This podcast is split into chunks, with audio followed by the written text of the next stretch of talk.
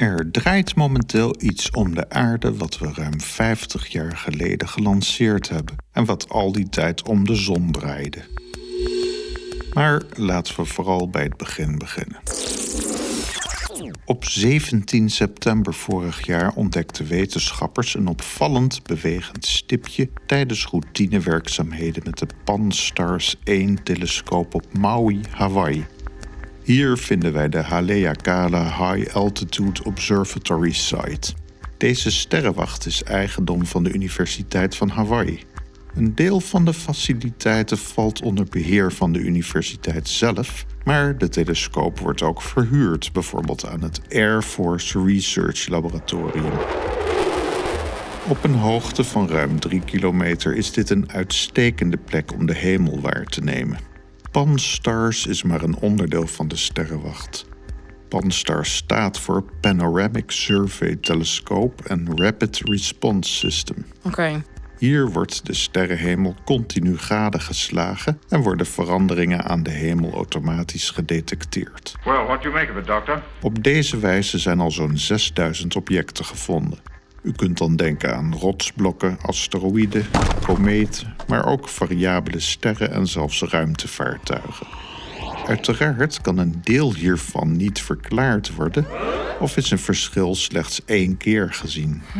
En weet u wat nou zo mooi is? U als geïnteresseerde burger kunt zelf data opvragen uit die Pan-STARRS gegevens.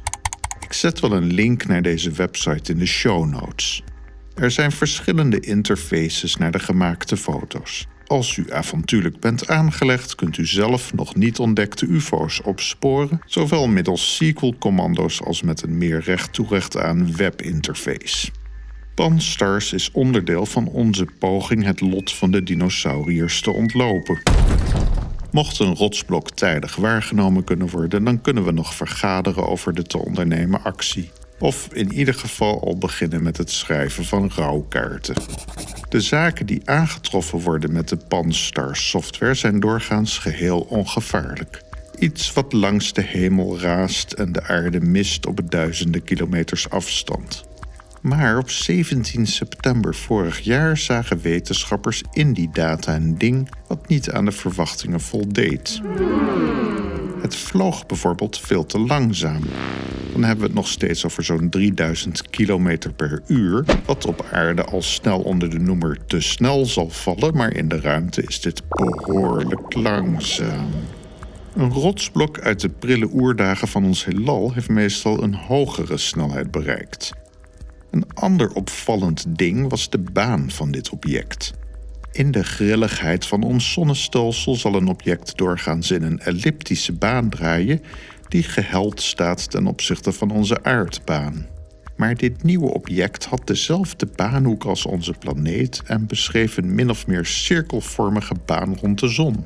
Al snel werd dus gedacht dat dit iets artificieels zou kunnen zijn, iets wat mensen zelf gelanceerd hebben. Het object kreeg de naam 2020 SO. Op 8 november vorig jaar werd object 2020 SO door onze aarde ingevangen en draait het nu dus om onze planeet in plaats van om de zon. Als dit u bevreemdt, weet dan dat het touwgetrek door middel van zwaartekracht continu gaande is in ons zonnestelsel. Allerlei objecten, zoals kometen, maar ook planeten en manen, verstoren van tijd tot tijd banen van andere objecten.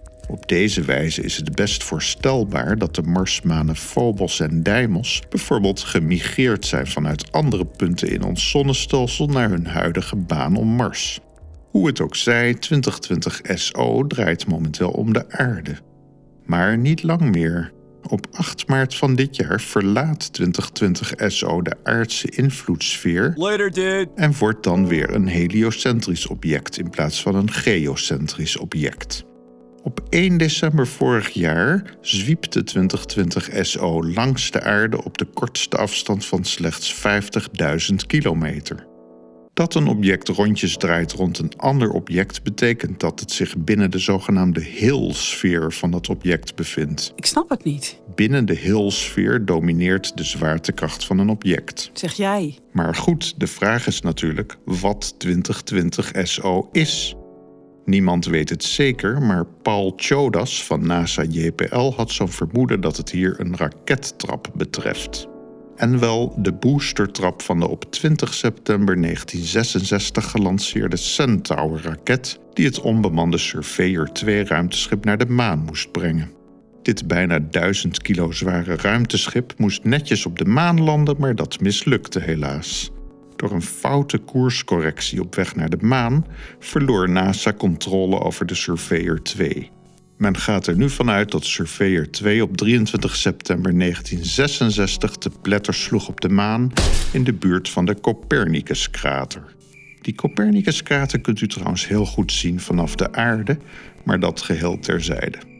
Het object 2020 SO is een stuk lastiger om te zien. Well, I don't see it. Het weerschijnt momenteel met een magnitude 19 wat zonlicht naar de aarde, wat veel te lichtzwak is voor ons blote oog en ook met een behoorlijke telescoop lastig te zien is.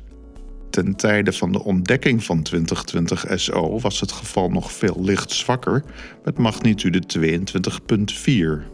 De gigantische Pan-STARRS-telescoop nummer 1 op Hawaii, die bovendien nog eens hoog op een berg staat, is in staat objecten te onderscheiden tot magnitude 24. Maar dan hebben we het over een telescoop met een spiegel van bijna 2 meter doorsnede.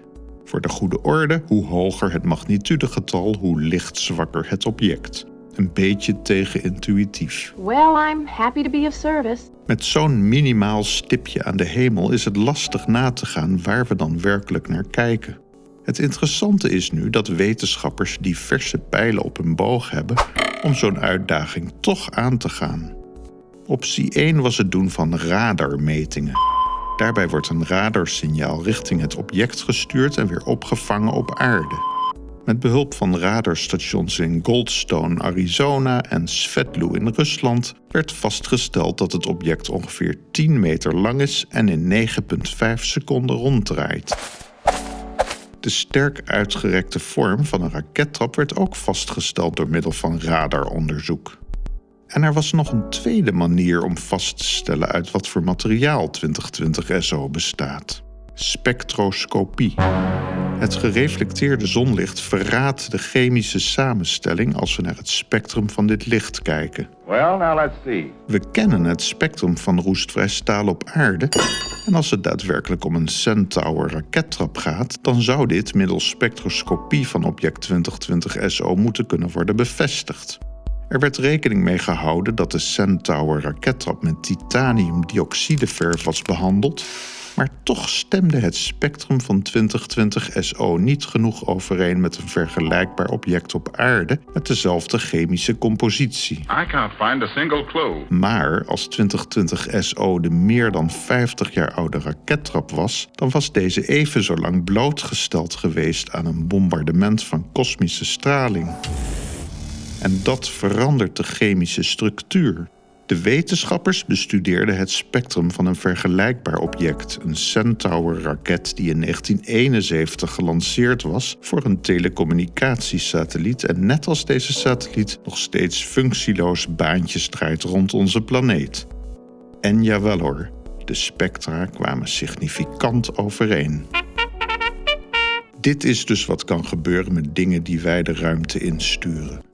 Eerder in deze column hebben we het al eens gehad over het Apollo 12 Snoopy ruimtevaartuig. En ook zaken als de Tesla Roadster van Elon Musk draaien maar wat om de zon. Defuncte fossielen uit vervlogen tijden. Wie weet wat er nog meer rond de zon cirkelt waar we geen weet van hebben. En heb je nog vragen over het heelal in de ruimste zin van het woord? Mail dan naar hensziemerman.gmail.com. En wil je nog een podcast horen? Luister dan vooral naar de mijne, De Andere Blik. Te vinden op alle podcastkanalen. En ik ben Lisbeth Staats. 26 maart viert deze schier eindeloze reeks ruimteverhalen haar 150ste aflevering. Als alles volgens plan verloopt, zullen Kelly Klingenberg en ik dan weer live uw vragen beantwoorden op NPO Radio 1 tijdens de nachtuitzending van NTR Focus Wetenschap. Tijdens die nacht en niet eerder kunt u met ons bellen op nummer 0800 1121. Maar als u een vraag heeft die niet kan wachten, kunt u die natuurlijk ook nu al aan mij sturen. dan behandelen we die misschien in de ochtend van 26 maart op de radio. Tot volgende keer.